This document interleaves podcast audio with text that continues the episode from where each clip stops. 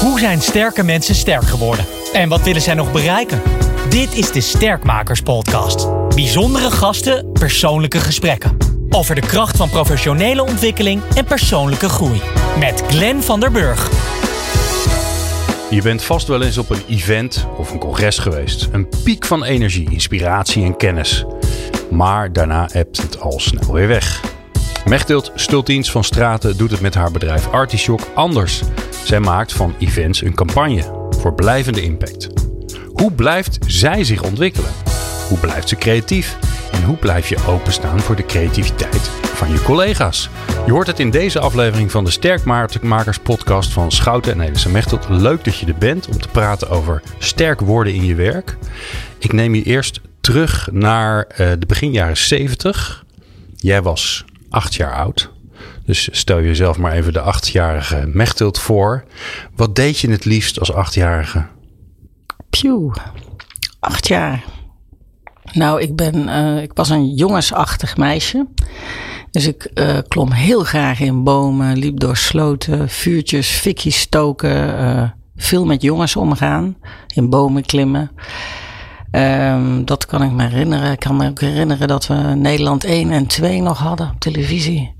Fabeltjeskrant. Q en Q, dat was alweer later. Ja, dat soort herinneringen heb ik wel. Uh, dat is lang geleden hoor. Acht maar jaar. ik zie je veel buiten in ieder geval. Veel buiten. Ja, en dus ontdekken. Ontdekken. Ja, want wat zegt het over jezelf? Dat je in die bomen zat, dat je jongensachtige dingen deed. Want dat was toen nog ja, bijzonder. Nog, nog steeds wel een beetje stoer. Uh, ja, ik ben, al, ik ben iemand die altijd heel veel energie heeft gehad. Altijd enorme energie kwijt. Kwam ik uit school, spelen buiten met de jongens, avonturen beleven. Ook mijn ouders hebben me ook vrij snel laten sporten.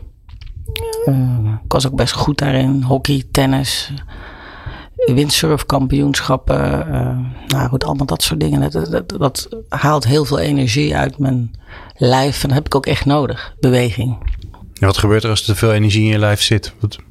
Dan... Uh, dat is niet zo leuk voor mijn omgeving, nee? denk ik. Maar wat doe je dan? Ja, ik ben gewoon dan druk en dan wil ik dingen bedenken en ontwikkelen. En dat, dat is sowieso mijn hobby. Uh, maar dat wordt dan wel eens te veel. Dus dan ga ik ook uh, nu ook steeds meer wandelen. En dan ook niet zomaar wandelen. 25 kilometer wandelen. Ja.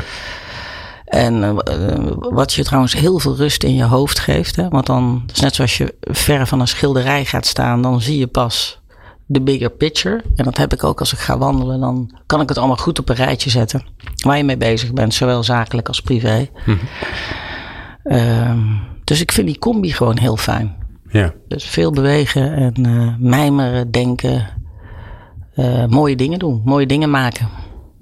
Ja, maar ik, ik hoor je zeggen bomen in bomen klimmen. is ook een beetje gevaarlijk, een beetje eng. Een beetje spannend.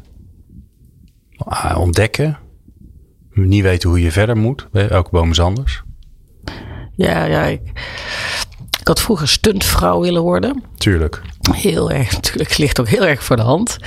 En toen ben ik met mijn ouders naar zo'n open dag geweest. En die zat in de tijd nog in Parijs. En, Echt waar, joh? Ja, er is en, gewoon een open dag voor de stunt, ja. stunt academie. Ja, en uh, dan word je een aantal dingen afgeleerd. Nou, ik was snel uh, daaruit dat ik het niet zou doen. Want 80 procent... Uh, verlaten opleiding na één jaar met botbreuken en dergelijke. Nou, sowieso vonden mijn ouders dat natuurlijk niet zo fijn. Maar ik zag toen ook wel in dat je nou, alleen maar de aller, aller, allerbeste überhaupt stuntvrouw of man worden. En ik besefte toen ook, nou misschien moet ik met mijn energie die ik in mijn lichaam heb, gewoon andere dingen gaan doen. Toen heb ik ook nog helikopterpiloot willen worden. Dat is ook natuurlijk erg lastig met een alfa pakket. En dat was in die tijd in Gilserijen. Dan, uh, ik ben toen daar op keuring geweest, of op test. Nou, er kwamen al die testen door. En dan, toen had ik een psychologisch gesprek. Een gesprek met een psycholoog. En die vroeg aan mij, ben je bang in het donker? Ik zei, natuurlijk ben ik niet bang in het donker. Maar als er dan een uh, man met een mes achter je staat, dan ben je toch bang in het donker? Ik zei, ja, maar dat ben ik ook overdag. Nee, dan bent u bang in het donker. Nou, zo'n soort gesprek was het. Dus okay. stond ik met een half uur buiten en dat is niet gelukt. En um, En toen ben ik Spaanse taal en letterkunde gaan studeren. Tuurlijk, ja, dat is een hele, hele logische overgang. Hey, ik wil nog even terug naar je ouders. Want ik zie je dan voor je dat uh, um, de kleine Mechtelt uh, die zegt... Uh, ik wil eigenlijk wel stuntvrouw worden. En je ouders gingen dan, die zeiden... oh, dat lijkt ons dan een interessant idee. Laten we naar de open dag in Parijs gaan. Hoe, wat, wat zijn het voor, voor ouders? Nou, ze hadden dat heel goed voorbereid natuurlijk. Uh, zij gingen juist mee, uh, omdat zij al eigenlijk van tevoren zich realiseerden dat ik dat wel niet zou gaan doen. Dus ik ben natuurlijk op de heenweg en op de terugweg ook wel bijgepraat door mijn ouders. Dus het was eigenlijk wel goed dat ze, dat ze meegingen. Maar mijn ouders zijn uh, helemaal niet zo als ik eigenlijk. Mijn vader misschien een beetje. mijn ouders leven nog. mijn vader heeft ook altijd heel veel energie gehad. Uh, maar mijn ouders waren vroeger eigenlijk zo van doe maar normaal, dan doe je al gek genoeg. Maar ook een beetje van uh, wil ik niet licht op het kerkhof en oh, kan ik niet licht ja. daarnaast. Oh, die en ken daar... ik ook. Ja, Kennedy ligt ernaast. ja, dat was brons. En uh, daar heb ik ook heel lang een stuk bewijsdrang wel van overgehouden. Denk ik heel lang. Nou, dan kom maar je hoezo bewijsdrang? Nou, vroeger, ik was natuurlijk die stoere meid. Ik heb één broer en die was veel rustiger. Die is nog steeds veel rustiger dan ik. En um, ja, alles wat je begint maak je af. He, wil ik niet lichten op het kerkhof? Kan ik niet lichten naast Wat je wil, dat kun je. Kom aan, je kunt het. En mm. op een gegeven moment ga je er ook een beetje naar leven. En uh, nou ja, dan, uh, mijn vader gaf dan af en toe de rekenbijlessen. En ik was daar niet zo goed in. Nou, ik was er eigenlijk best goed in. Maar ik, ik, ik zag de hele nut van het rekenen. En later de wiskunde er niet van in. En die zei altijd, dan had ik er een slecht cijfer. En dan ging hij weer met mij zitten. En dan zei hij altijd, oefenen, oefenen, oefenen. Dus die wilde echt van een vijf een acht maken. Dat, dat was, hij, vond, uh, hij was uh, ingenieur, dus hij vond het heel normaal dat zijn oudste dochter dat ook moest kunnen. En ik vond dat helemaal niet normaal, dus ging ik wel een beetje tegen afzetten. Dus ik vond talen juist, dat heb ik altijd gevonden, enorme interesse voor taal. En ik geloof daar dus nu nog steeds in. Als ik naar mijn mensen kijk, als ik met mijn mensen werk. Um, waar mensen niet goed in zijn, moeten ze vooral niet verder willen ontwikkelen. Ze moeten juist goed zijn. Waar ze goed in zijn, moeten ze nog beter in worden. En daar sta ik voor. En dat heb ik echt geleerd. Heb ik het met mijn ouders ook nog wel eens over. Dat is gewoon geen goed idee. Want je kunt een, een vis niet laten klimmen. je moet, iedereen, heeft, iedereen heeft een talent. Dat heeft iedereen, daar ben ik van overtuigd. Als je daar een beetje passie en doorzettingsvermogen bij hebt, want dat vind ik echt onvermijdelijk, dat je dat ook moet hebben, dan kom je ergens. En als je die mensen zo in die kracht kan zetten, dan maak je het mooiste team wat er is. Uh, Hoe ben je, je erachter gekomen? Wat is een ander, het is anders dan je opgevoed bent. Want je bent opgevoed met uh, oefenen, oefenen, oefenen. Uh, wil het niet licht op het kerkhof. Hè? Dus waarin willen ze is een weg. Nou, al, al, dat soort mooie wijsheden. En jij zegt eigenlijk, ja, als je gewoon ergens niet goed in bent en je vindt het niet leuk, dan moet je het gewoon niet doen. Dan moet je iets anders doen wat je wel leuk vindt en waar je wel goed in bent.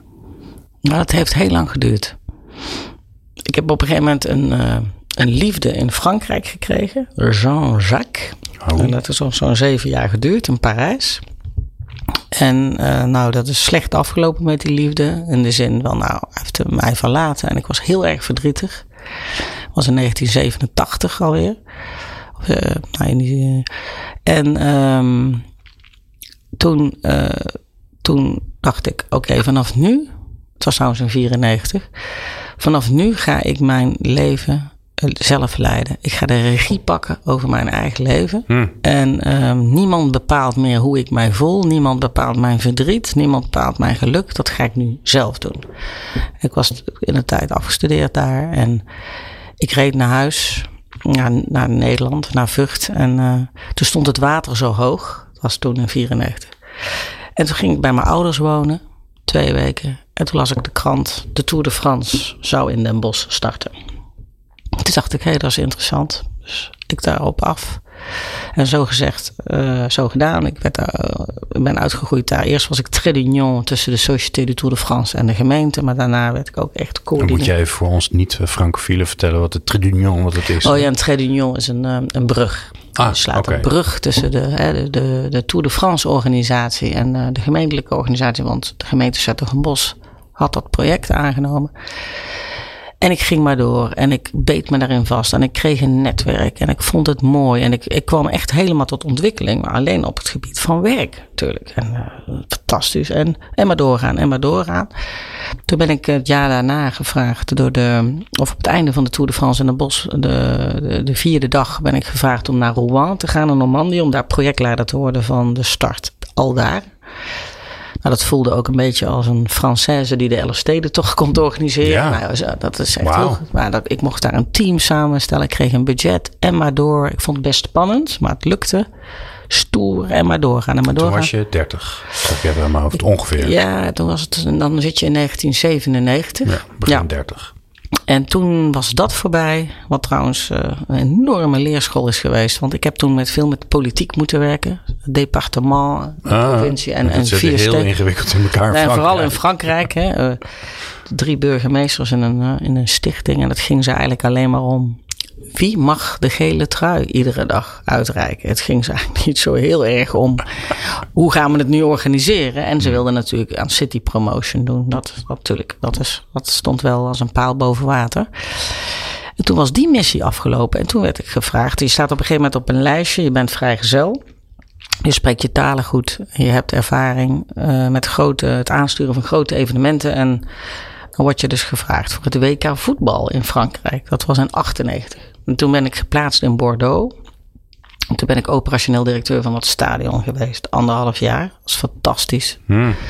En maar doorgaan. En leuk. Weer nieuwe mensen ontmoeten. En hard werken, dag en nacht. Maar ook feesten daar in Bordeaux. Fantastische stad. Toen kwam ik terug en toen dacht ik: oké, dit kan ik nog heel mijn leven blijven doen. Wat nog steeds veel vrienden van toen doen trouwens. Maar heb ik al die tijd, je, je, je, je bouwt heel veel op. Maar sociaal breek je steeds je hele netwerk weer af, want je begint weer opnieuw. Dat vond ik vermoeiend en dat vond ik ook best arm. Zodat je inherent aan event business, toch? En dan zijn dit nog precies. langlopendere events, maar je hebt er ook zat die duren een dag. Vluchtig. Ja. Het is gewoon heel vluchtig. En, maar wat ik ook had overgeslagen al die tijd, ik kon niet zo goed meer voelen. Ik zat continu in die modus van deadlines. En maar door, en maar door. En deadlines en draaiboeken en aansturen. En dan weer voor een vrijwilligersmassa staan. En dan weer met de burgemeester van Bordeaux aan tafel zitten. Dan weer met de FIFA. Dan weer en maar door en maar scoren. En dan het vliegtuig weer nemen naar al die andere stadions. Want daar had je dan meetings mee.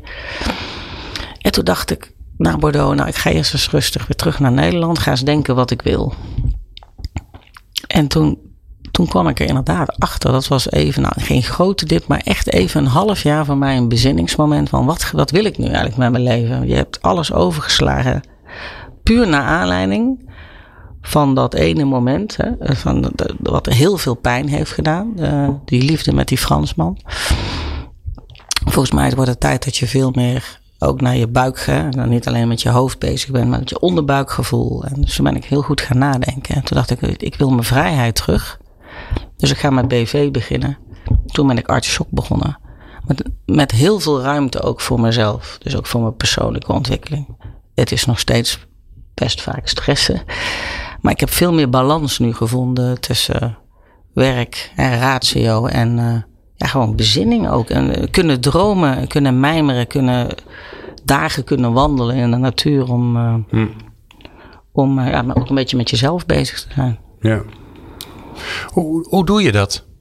Want um, je hebt je eigen bedrijf. Dus je bent ondernemer. Dus er is niemand die jou aan of uitzet. Behalve jezelf. Nou, misschien een klant hier en daar met een klantvraag. Maar in principe ligt het bij jouzelf. Want je kan ook nee zeggen. Um, uh, je bent een mens wat heel veel energie heeft. Dus ja, er is altijd wat te doen. En dan heb je, zit je ook nog eens een keer in een eventwereld wat bestaat uit pieken. Je werkt naar een piek toe, dan is die piek er en dan hebt het een beetje weg. Maar dan weet je ook, de volgende zit er alweer aan te komen. En dan, ga je, lukt het je toch om ruimte te hebben voor wandelen en uitzoomen.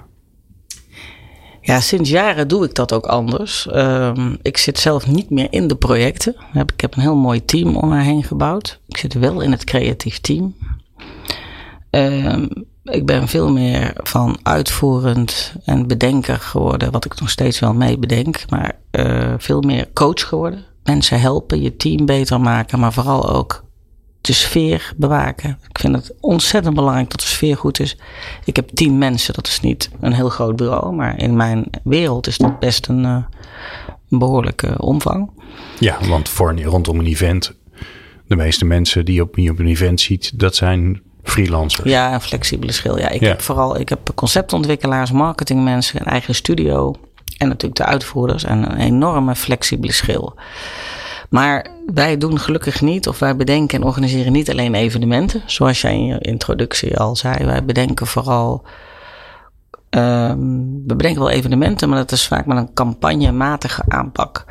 Bijvoorbeeld, een bedrijf bestaat 100 jaar.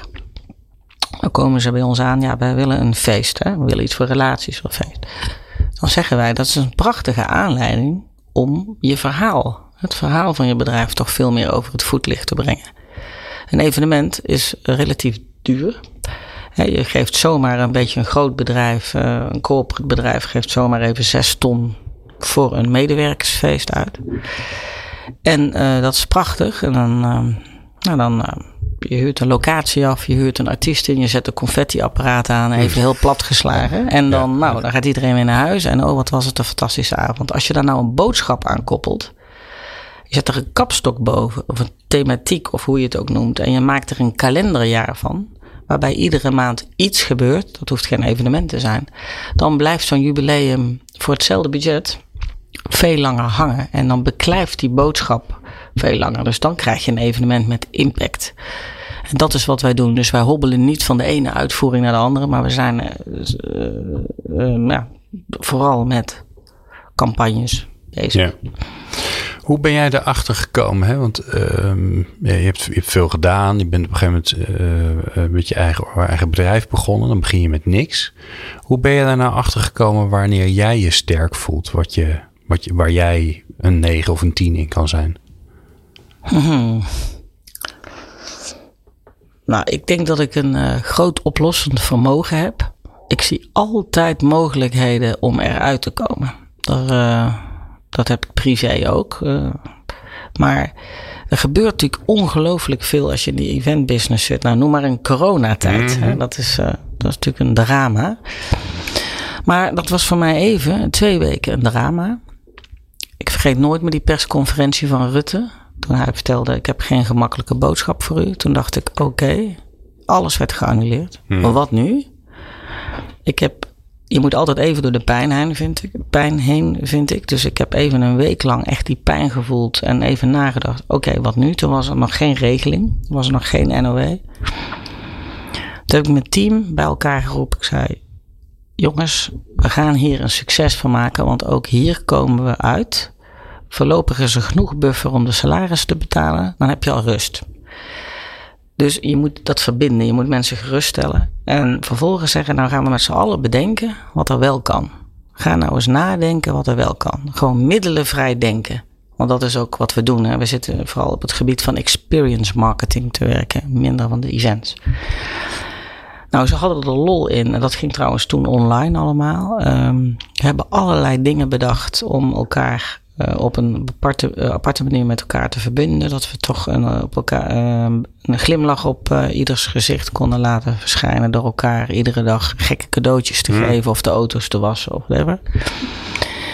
En er komt een einde aan die corona. En dan moet je erheen komen. Dus ik heb heel snel, hebben we bedacht met z'n allen, het anderhalve meter loket.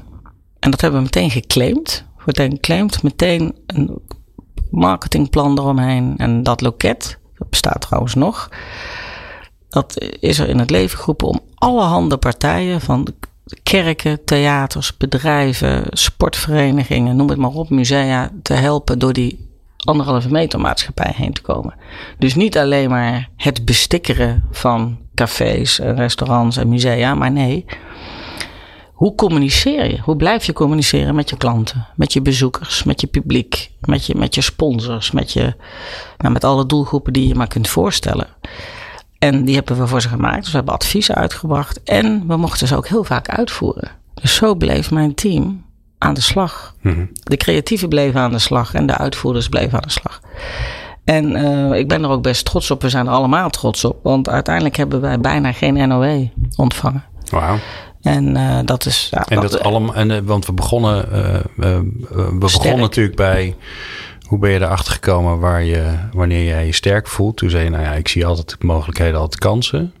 Maar hoe kom je erachter? Want dat is natuurlijk wat onze, onze luisteraars, die luisteren naar deze podcast, omdat erachter komen waar je, waar je. Ik zeg altijd, ik vind het altijd een beetje suf om te zeggen waar je goed in bent. Want, want voor mij gaat het erom dat je er elke dag nog beter in wil worden. Want daar zit ook de, de lol in. Ik, ik, kan sommige dingen heel goed die ik helemaal niet wil doen, vaak. Um, dus hoe, hoe ben jij daar nou achter gekomen? Dat je denkt, ja, dit is het echt. Deze dingen moet ik niet doen. Want daar zit de lol niet. Maar ook, daar ben ik ook niet zo goed in. Daar wil ik ook niet beter in worden. Maar deze dingen wel. Ja, dat komt toch ook door je ervaring op die hele grote evenementen. Daar kom je dingen tegen die je heel mooi vindt. Dat, leer, dat leer je ook niet op school of tijdens je studie. Dan kom je erachter. Want ik ben echt in het diepe gegooid natuurlijk in die Tour de France in Frankrijk. Ik, ik, ik ging daar maar gewoon. Ik ben ook natuurlijk, dat komt dat avontuurlijke weer vandaan. Ik dacht, ik doe het gewoon. Ik zie het wel. En je komt heel veel hobbels op de weg tegen. Maar uh, ja, kan je, nog zo'n hobbel, kan je nog zo'n hobbel herinneren? Van een van die mega-events dat je echt dacht, hoe jeetje, dan zit ik hier met mijn begin 30. Hoe, hoe de hel moet dit nou weer oplossen? Ja, dat is een. Uh, ik kan me één heel goed herinneren. dat was inderdaad tijdens die uh, Tour de France periode in Rouen, in Normandië. Had ik te maken met een uh, president en drie burgemeesters. Die dus nogal egoïstisch in de wedstrijd zaten.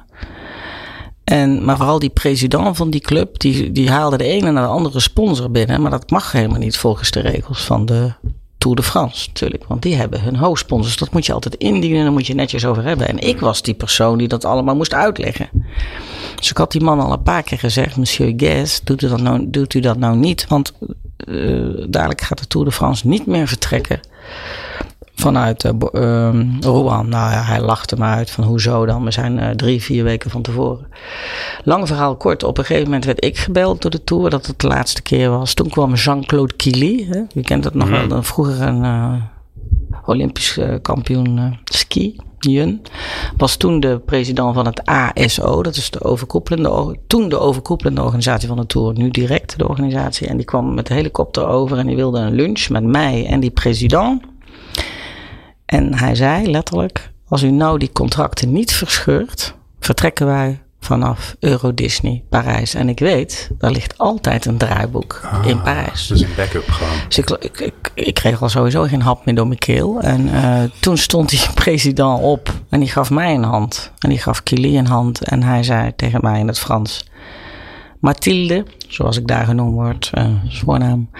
Ik wens u veel succes, maar ik stap eruit daar stond ik. Dus toen moest ik drie weken voor het, uh, voor het dato, moest ik het gewoon die hele rol van die president invullen, daar een vervanger voor vinden. Maar vooral alle bestuurlijke beslissingen, die nam hij. Dus dat was echt een, uh, dat was een enorme hobbel. Uh, waar ik toen ongelooflijk van schok en uh, nou, een soort van overstuur van was. Hè, met, op mijn jonge leeftijd. Ja, niet heel nee, je gek, komt, hoor. En, en nee, helemaal niet gek. En toch je, je, met je gezonde verstand, je gaat nadenken. En ik heb ook trouwens altijd externe adviseurs. Ik heb een aantal mensen die ik altijd kan bellen. En help me nou eens. En dat was toen ook al op bestuurlijk niveau in Nederland. Hielpen mensen met mij. En die hebben mij advies gegeven. Maar ja, moet je toch nog doen. en in een vreemd land. In een vreemde cultuur. En uh, uiteindelijk heb ik dat opgelost. En dat is een hobbel. En ja, nou is jouw vraag. Uh, dat vind, je dan, vind je dat nou wel of niet leuk? Nee, dat is niet leuk. Maar als je veel van die hobbels meemaakt, dan wordt het op een gegeven moment ook een, um, een uh, geen kunstje. Want het is nooit, is allemaal maatwerk. Maar op een gegeven moment, je went er ook aan. Je went aan problemen die je continu moet oplossen in je bedrijf. Ja, en in, je, in jouw, en bedoel, überhaupt in de wereld, maar zeker in, die, in jouw wereld, het gaat toch vanzelf mis? Er gaat toch altijd ergens iets mis? Absoluut. Je moet altijd ergens omheen werken. De bezoeker is, ziet het niet altijd. Nee. Soms wel, soms niet. Soms zie je natuurlijk dramatische dingen gebeuren. Maar er is ieder evenement waar duizenden mensen bij elkaar komen, dan is er altijd iets achter de schermen. Uh, dan Ja. moet altijd, altijd moeten er dingen opgelost worden.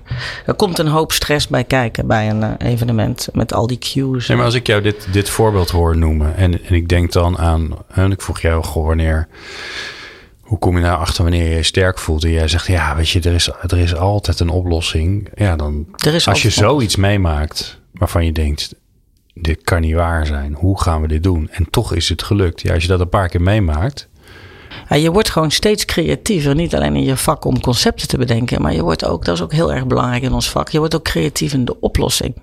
Nou moet iedere ondernemer dat wel zijn. En dat vind ik leuk. Dus het is, de aanleiding is niet leuk en, en niet prettig. Helemaal niet.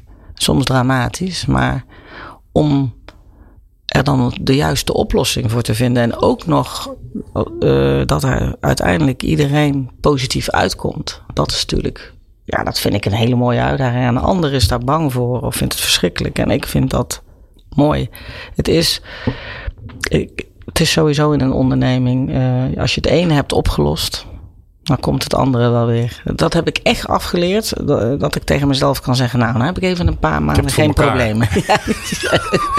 Ja, er is altijd wel iets. eh, en eh, ja, dat Maar, maakt dan, maar als je dat doet, hè, als je wel denkt, oké, ik heb nu opgelost, nu is het weer stabiel. Hè, dus als je uitgaat van, ik zorg ervoor dat het leven stabiel is, of dat mijn werk stabiel is, of dat mijn onderneming stabiel is. Als dat je uitgangspunt is, dan is elke verstoring is irritant.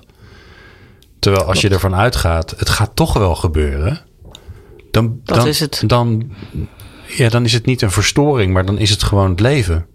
En dat is het ook, En dat het maakt leven. het een stuk makkelijker volgens mij. Ja, en toen was ik natuurlijk alleen. Ik was freelancer. Ik, je stond er ook alleen voor. En je hebt al wel je team. Maar dat voelde toch eenzamer dan dat je... Nu heb je een team met mensen die daar ook voor gaan. Niet allemaal, ze hebben niet allemaal dezelfde bloedgroep. Maar nou deel je dat. Dus nou ga je met je team zitten. Hoe gaan we dit oplossen? Wat vind jij? Wat vind jij? Wat vind jij? Ik hoef het ook niet meer op te lossen. Nee, je hoeft niet meer allemaal zelf te doen. En, maar vaak komen ze als, het, als ze het echt even niet meer weten. Van Mechtel, we moeten even met jou hebben. En eh, wat gaan we nu doen? Ja of nee? Welke beslissing? Dan zeg ik toch vaak, maar die stip staat aan die horizon. En daar gaan we naartoe. Linksom of rechtsom. Die stip, die staat er. Ja. Ik ga even de eh, toevalligheid een rol laten spelen. Maar dat, heb ik, dat doe ik door. Ik heb wat kaartjes voor me liggen. Jij ziet ze liggen. Ik zal ook voor de luisteraar even melden. We hebben een leuk kaartspel hier liggen. Spelen met talenten. Van eh, Axel de Roy. Of de Roy. Eh, moet ik eigenlijk zeggen. Als een, een, halve Française naast me zit. En Madeleine Lomans. Zij hebben het kaartspel gemaakt. En het is heel leuk. Het zijn allemaal kaartjes. En op elk kaartje staat een vraag. Nou, je kan alvast voorspellen wat er gaat gebeuren. Hè? Ik pak er gewoon zomaar eentje en dan, eh, nou, hopelijk is het een leuke. En dan merken we het wel. Het is een talenten. We hebben verschillende kleurtjes. Dit is een groene. Het is een talentenvraag. Je klaar voor, Mechtelt? Ja. Met wie van je vrienden zou je een maand lang van baan willen, willen ruilen? En je inkomen verandert niet. Dus je gaat er niet op voor of achteruit.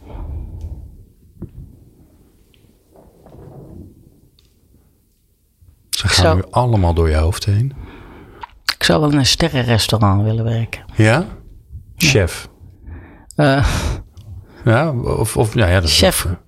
ja, chef-kok. Ja? Of meesterkok heet dat geloof ik, ja. En waarom? Het lijkt me prachtig. Ik, eh, ik zeg niet dat ik het kan. Eh, ik hou wel van koken. Maar ik vind dat een prachtig vak ook. Dat ehm, iedere dag weer die kunstwerken op die borden toveren. Ik vind dat zo, zelf als bezoeker, een fantastische beleving. Altijd. Welke sterrenkok je ook eh, ontmoet of waar, bij wie je eet. Ik vind dat geweldig. Ik zou dat, dat zou ik wel eens een maand willen doen. Hm. Of assisteren, hè? want ik ben natuurlijk geen meesterkok. Maar om in die keuken mee te kijken, dat hele proces mee te kijken. Hoe doe je dat nou? Hoe stuur je nou zo'n team aan? Hoe, iedere dag moet het drie sterren niveau zijn. Maar iedere dag. Dan heb je het over brandjes blussen. Maar ze hebben heel weinig eh, reactietijd om iets op te lossen.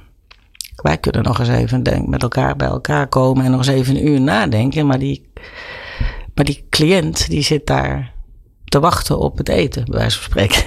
Het is grappig, hè? Want er zit een soort tegenstelling in. Want jij zit in de, eh, eh, ik zeg maar even plat, event business, maar dat is natuurlijk niet helemaal waar. Maar jij, bijna alles wat je doet is, is, is uniek. Je maakt dingen voor klanten en, die, en het, het liefst zijn ze uniek. En er zijn natuurlijk altijd zitten er elementen die je misschien eerder hebt gedaan. Maar eh, er zit weinig herhaling in. En in een, in een sterrenrestaurant gaat het natuurlijk om dat het elke dag perfect is. Dus het wat, proces is, het- is, is iedere dag hetzelfde. Maar wij hebben natuurlijk ook processen bij eh, het werk.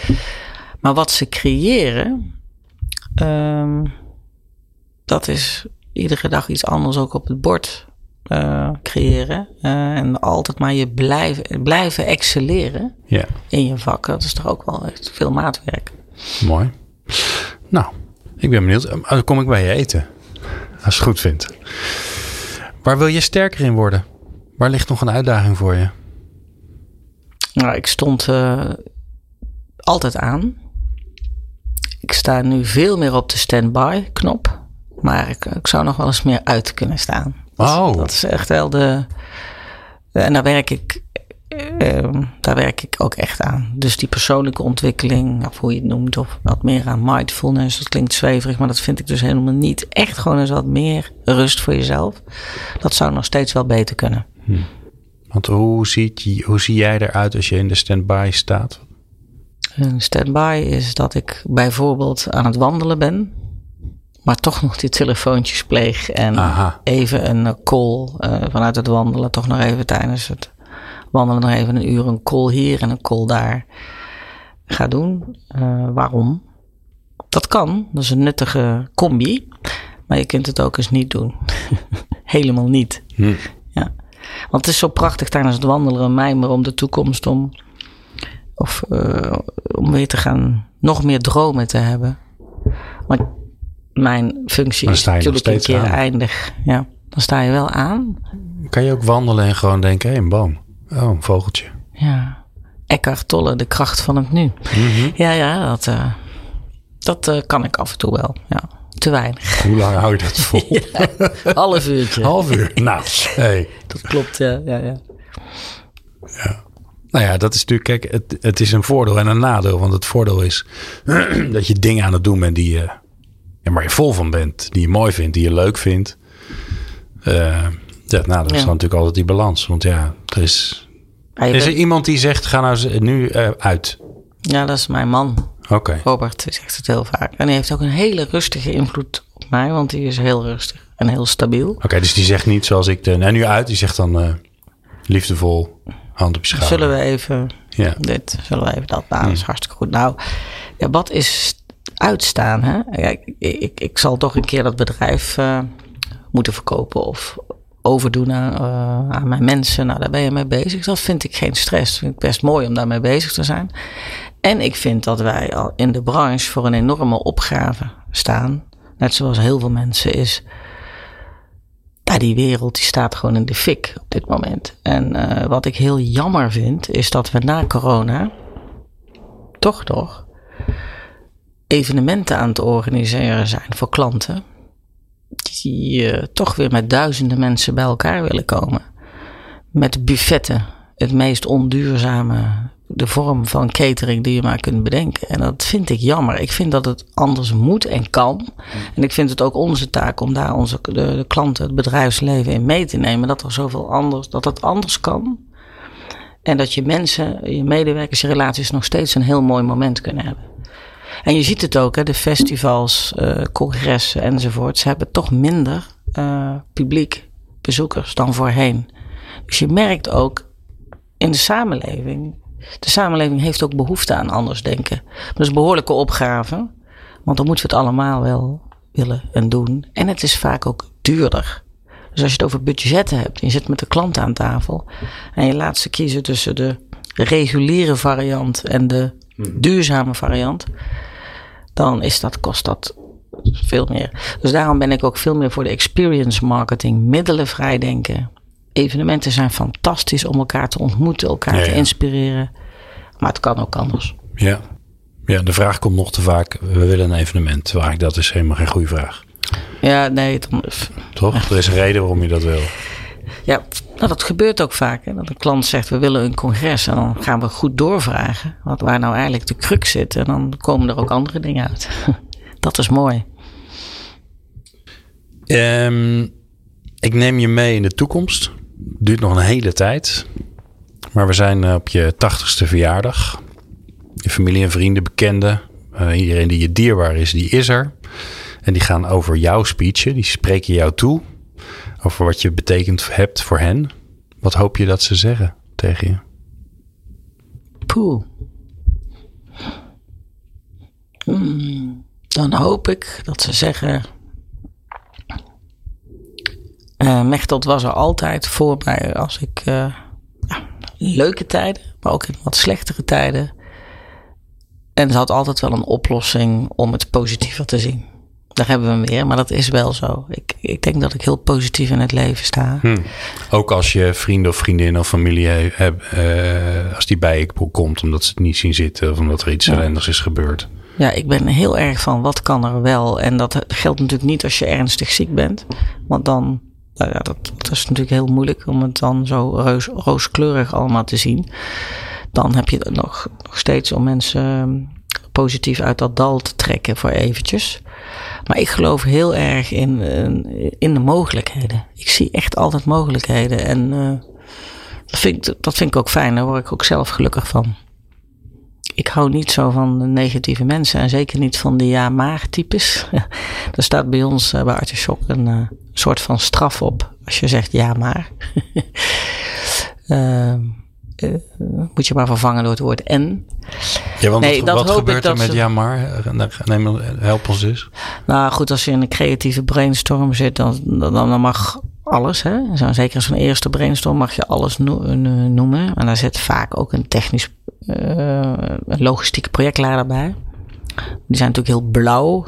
En dat moeten ze ook zijn, want die zetten filters over het creatieve concept. Want ja, nee, maar die locatie kan maar dit aan. En dus dat ja, maar, uh, zeg ik altijd, nee, dat is een goed idee. En dan moeten we eens even goed nadenken wat we dan met die locatie moeten doen. Bijvoorbeeld. Dat geeft gewoon een veel positievere uh, zwaai ook aan zo'n brainstorm. Is niet altijd makkelijk hoor, weet ik. Maar, maar Um, nou ja, dat, nou, dat soort voorbeelden. Ja. Je mag jezelf adviseren. Je mag jezelf vanuit nu, wie je nu bent, je eigen ik, mag je adviseren die 20 is. Je hoeft niks te veranderen aan het leven, maar een, een fijn advies, een coachingsgesprek met jezelf. Wat adviseer je jezelf? Focus in het leven vooral op de dingen die je heel veel energie geven. En geef die boodschap ook door aan mensen om je heen. En probeer ook in, in, de grootste vrijheid te werken. Ik vind dat echt heel belangrijk, dat laatste. Wat bedoel je daarmee? Um, ja, eigenlijk al het mooie wat de wereld kent, al het mooie, grootste en inspirerende wat we kennen in de wereld, dat, dat, dat zijn altijd, die dingen zijn altijd gecreëerd door mensen die in volledige vrijheid gewerkt hebben. Dat is, dat is trouwens een, eh, een klassieker, die is van Einstein. Maar dat is ook echt zo. Ik, als, je, als je bijvoorbeeld kijkt, mensen werken van half negen tot vijf. Uh, heb je een half uur pauze. En dan staat de salaris tegenover. Je hebt twintig dagen vakantie. Dat is natuurlijk gewoon een formuletje om je salaris te berekenen. Van half negen tot vijf en zoveel uur in de week. Twintig dagen vakantie. Dat is een soort van controlemechanisme om te controleren dat de mensen niet te veel vrij nemen en dat ze wel de kosten uh, uh, gelijk blijven lopen. Salarissen moeten op elkaar afgestemd worden. Ik heb dat al jaren geleden al afgeschaft, mijn bedrijf. Er is totale vrijheid van indeling van werk. Toen werkten we al remote. Ja, dat is nu door corona natuurlijk veel, uh, heeft veel meer usance, uh, is veel meer usance geworden door, um, ja, omdat we niet uh, live konden werken. Ja. Um, spreek met je team wel je deadlines af. Wees niet asociaal naar het team. Maar het maakt mij niet uit of zaterdag, zondag of uh, maandagavond wordt gewerkt. Of dat, maar je moet wel deadlines halen. Al nemen ze 30 dagen vakantie. I don't care. Maar je bent er wel voor je team. En misschien moeten we er nog wel naartoe dat mensen hun eigen salarissen gaan bepalen. Er is een boek over geschreven, dat is prachtig. Mhm. En um, ik denk dat we daar ook veel meer dat soort restricties uh, moeten loslaten. Dus als ik terugkijk, als ik twintig ben, focus. Wat zou ik dan mezelf adviseren? Dat nog veel meer focussen op waar je energie van krijgt en mensen zelf meer, veel meer dus in die vrijheid leven, zelf keuzes maken. Maar ook die mensen om je heen, mijn teammates, laten ook gunnen dat ze die vrijheid hebben. Mooi. Ik heb nog een laatste vraag. En dat is altijd een bijzondere vraag. Dat is namelijk een vraag aan jou om een vraag te delen met de wereld. Ehm, welke vraag zouden onze luisteraars zichzelf nou moeten stellen als ze sterker in hun werk willen worden? En dan plakken we hem later op een, op een kaartje. Dan maken we een kaartspel van en dan hebben we weer een product bedacht. Ehm, ben je nou iedere dag met de goede dingen bezig? En er komt echt dan eens een dag dat je niet, uh, ja, sommige dingen moeten. Maar veel meer, uh, ik zou de vraag willen stellen: ben je je bewust van het feit wat je, als we het over werk hebben, wat je wekelijks aan het doen bent? Ik zeg dat ook wel eens tegen mijn mensen. Waarom maak je eigenlijk een draaiboek? Wat is het doel daarvan? Sommige mensen maken een draaiboek, moet. Maar waarom moet dat? Dus realiseer je altijd, waarvoor doe ik het, voor wie doe ik het en is het wel slim wat ik aan het doen ben, kan het anders? Altijd naar jezelf blijven kijken hoe het anders kan, om er zelf gelukkiger van te worden. Dan kun je je niet vroeg genoeg realiseren in je leven. Hou je heel veel tijd over. Mooi. Ik dank je wel. Ik vond het een mooi gesprek. Uh, Mechteld Stultiens van Straten. Uh, die je natuurlijk kunt vinden via haar bedrijf Artichok. Als je nog eens een keer een mooi campagne wil. Dankjewel. En jij natuurlijk dankjewel voor het luisteren. Bedankt voor het luisteren naar de Sterkmakers podcast. Hopelijk heb je er nieuwe energie van gekregen. Maar echt sterker word je door er iets mee te doen. Dus waar wacht je op? Aan de slag! Meer podcasts vind je op jouw favoriete podcast-app door te zoeken op de Sterkmakers Podcast. Bezoek ook onze website sn.nl/podcast voor alle informatie over de Sterkmakers Podcast.